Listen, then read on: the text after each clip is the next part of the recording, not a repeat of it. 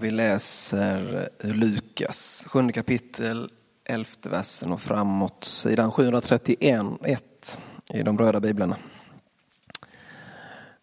Därefter begav sig Jesus till en stad som heter Nain och hans lärjungar och mycket folk följde med honom. Just som han närmade sig stadsporten bars det ut en död. Han var enda sonen och hans mor var änka. En stor skara människor från staden gick med henne. När, herre, när Herren såg henne fylldes han av medlidande med henne och sade, gråt inte. Sedan gick han fram och rörde vid båren. Bärarna stannade och han sade, unge man, jag säger dig, stig upp. Då satte sig den döde upp och började tala och Jesus överlämnade honom åt hans mor. De fylldes alla av fruktan och prisade Gud och sade, en stor profet har uppstått bland oss och, och Gud har besökt sitt folk. Detta tal om honom spred sig i hela Judeen och landet däromkring. Så lyder det heliga evangeliet. Lovad vare du, Kristus.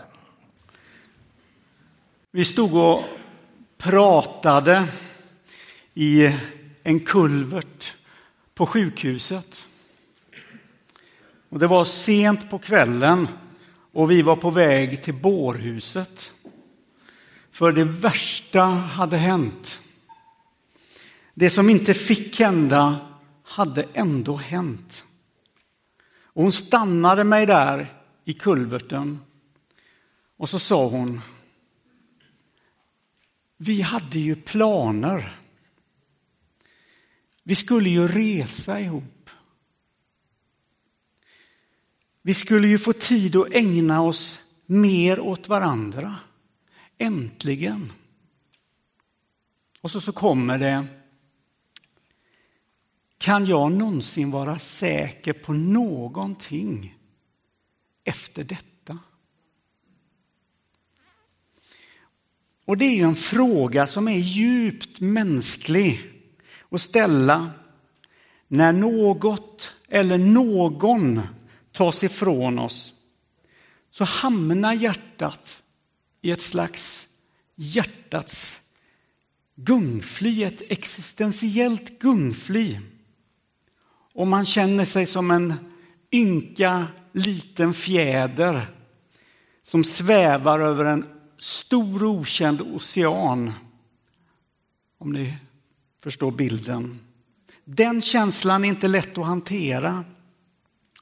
För att vi upplever att vi har så lite kontroll där och då.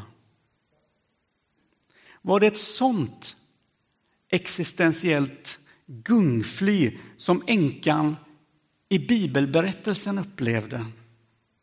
När hon går där ut ur stan för att begrava sin enda son.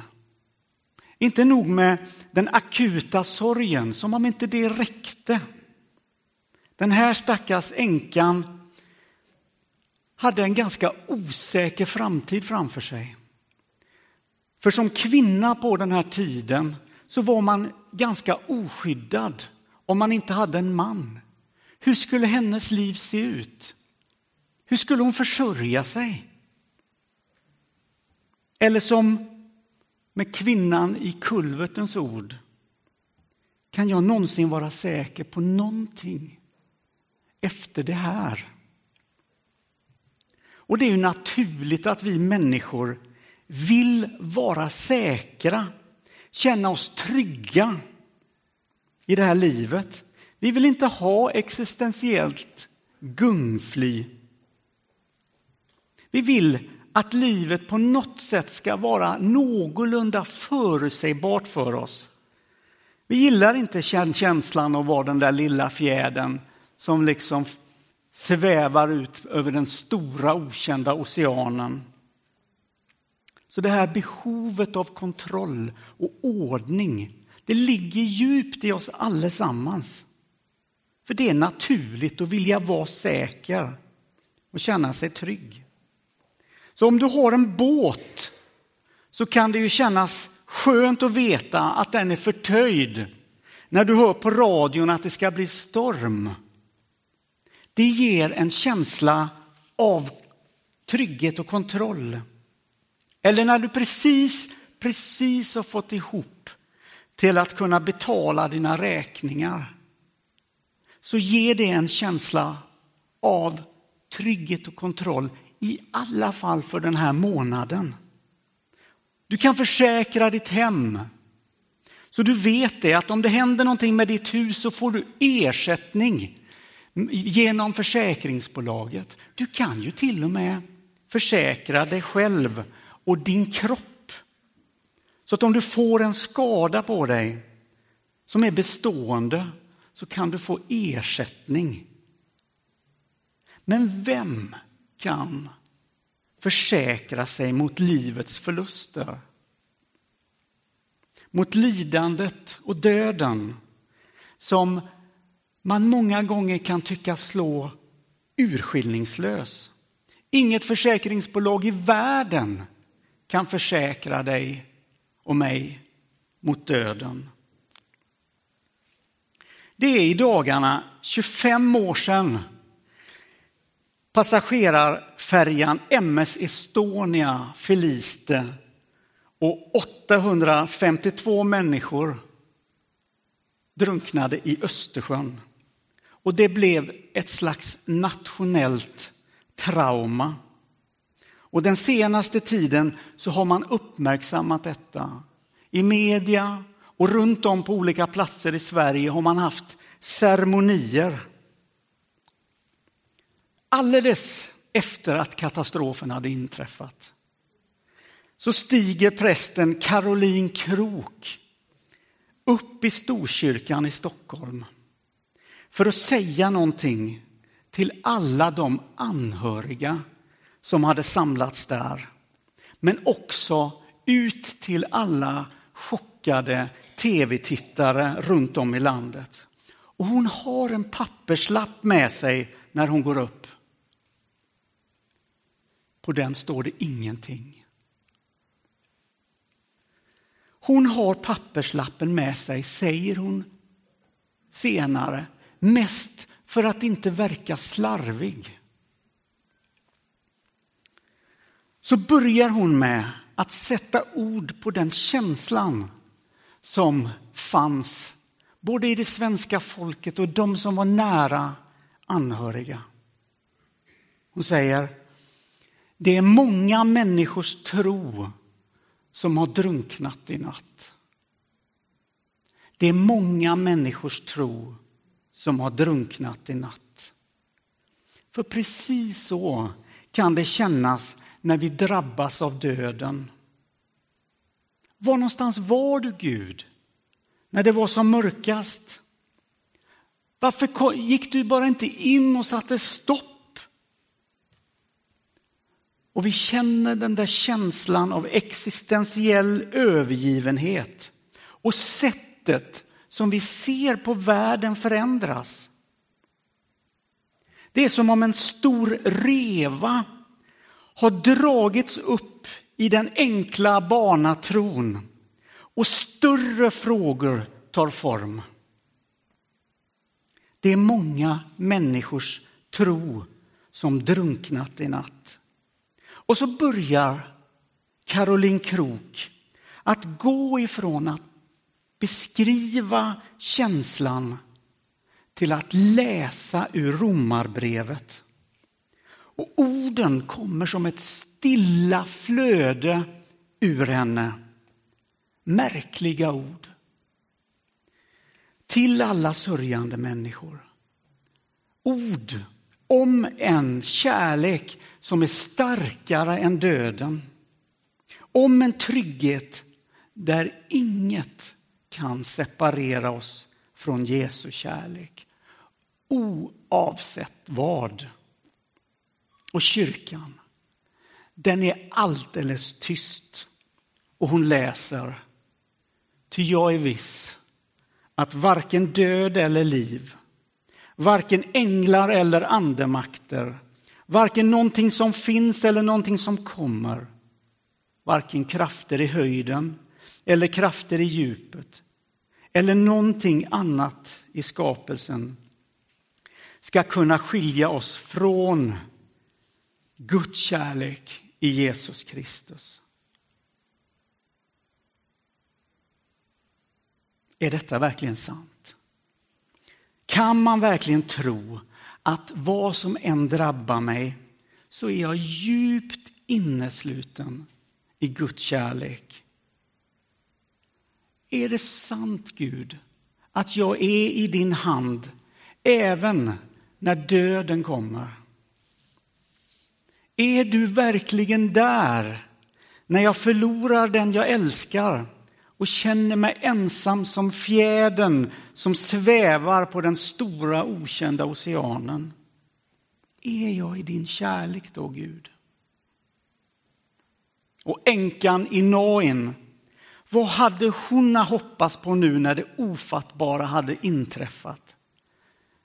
Att förlora sitt eget barn.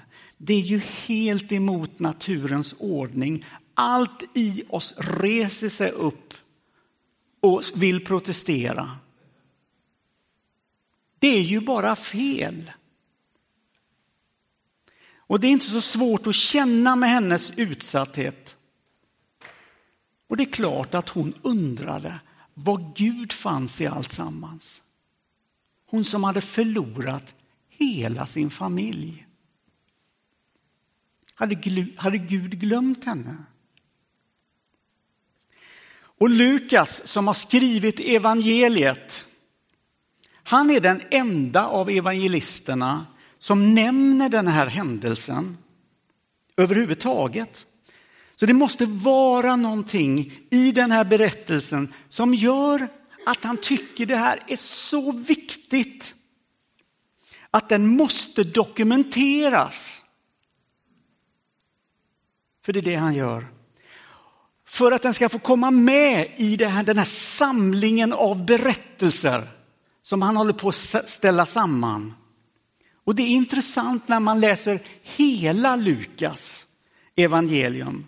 För man märker att han skildrar händelser runt Jesus så är det ofta med betoning på Guds barmhärtighet, hans medlidande och hans trofasthet. Lukas är den av evangelisterna som kanske starkast sätter strålkastarljuset på de fattiga, på de utsatta, de som inte har någon röst. Det är så Lukas vill berätta berättelsen. Det är liksom hans vinkel i det hela.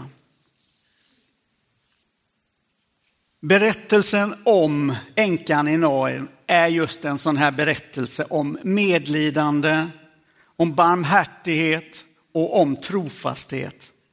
Och det är en väldigt stark dramaturgi som Lukas använder sig av. För från det ena hållet, ut ur den här lilla obetydliga byn som det är, någonstans, knappt ingenstans håller jag på att säga, så kommer dödens följe. Så här, med kvinnan i centrum. Från andra hållet så kommer livets följe med Jesus i centrum. Och de här två följena kolliderar i tid och rum. Det är stark dramaturgi, tycker jag. Men livets, livets följe får sista ordet. Det är det som händer i den här berättelsen. Och vi läser att när Jesus såg änkan då fylldes han av medlidande med henne och han går fram och han rör vid båren. Och pojken får livet tillbaka. För livets följe triumfade dödens följe och miraklet skedde. Och när folk såg undret som Jesus gjorde med pojken så händer det någonting i deras tankevärld. Det är precis som, oj, det är någonting vi känner igen här. För man börjar göra kopplingen med någonting som man skulle kunna kalla Guds historiska trofasthet. Det börjar ringa klockor i deras judiska tänkande och man kopplar ihop Jesus med profeten Elia som också uppväckte en änkas son och man utbrister Gud har besökt sitt folk. En stor profet har uppstått ibland oss. För dem var detta ett tecken på att Gud inte släppt greppet utan att han fortfarande var en aktiv del av den judiska historien. Att han var trofast och att han inte alls hade glömt Abrahams barn utan att han var där hela vägen.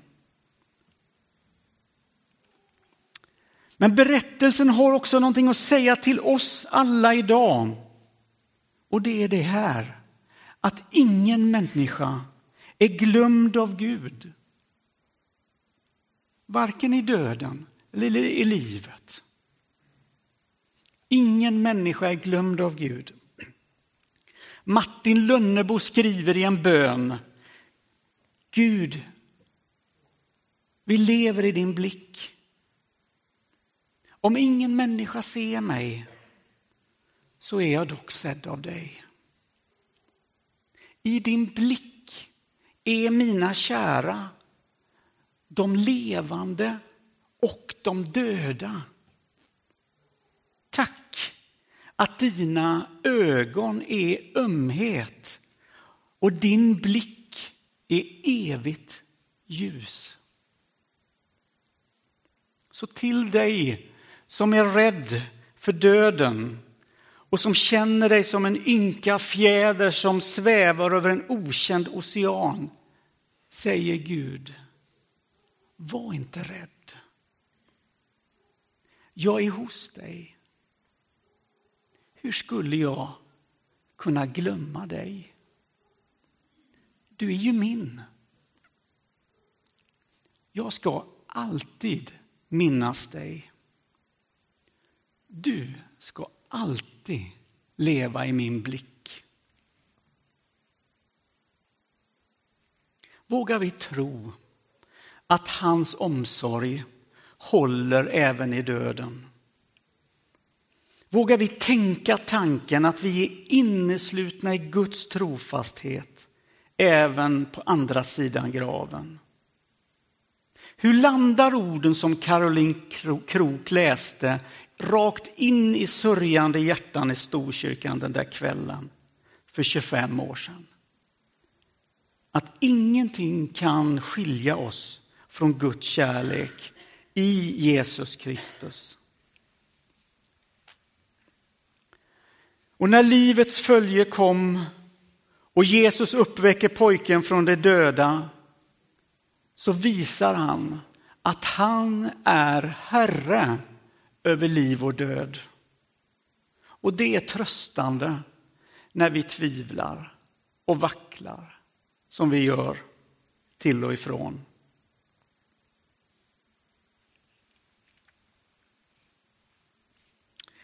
Men det är också någonting med hela den här berättelsen som Lukas berättar som är ett föregripande av någonting större. Det som händer med pojken när han uppväcks från de döda, det är någonting som ska hända med oss alla.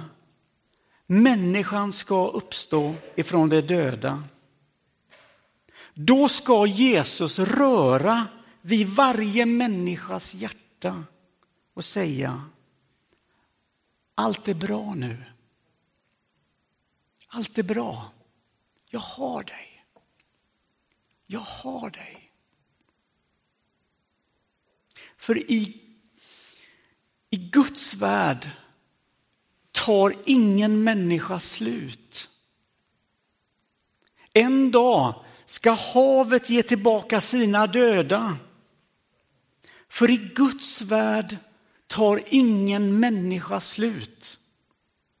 En dag kommer sjukdomen vara ett avlägset minne. Därför att i Guds värld tar ingen människa slut. En dag kommer demensen ge tillbaka tankens klarhet. Därför att i Guds värld tar ingen människa slut. En dag kommer den som har missbrukat sig själv till döds stå inför Gud vackrare än någonsin. Detta för att i Guds värld tar ingen människa någonsin slut. Amen.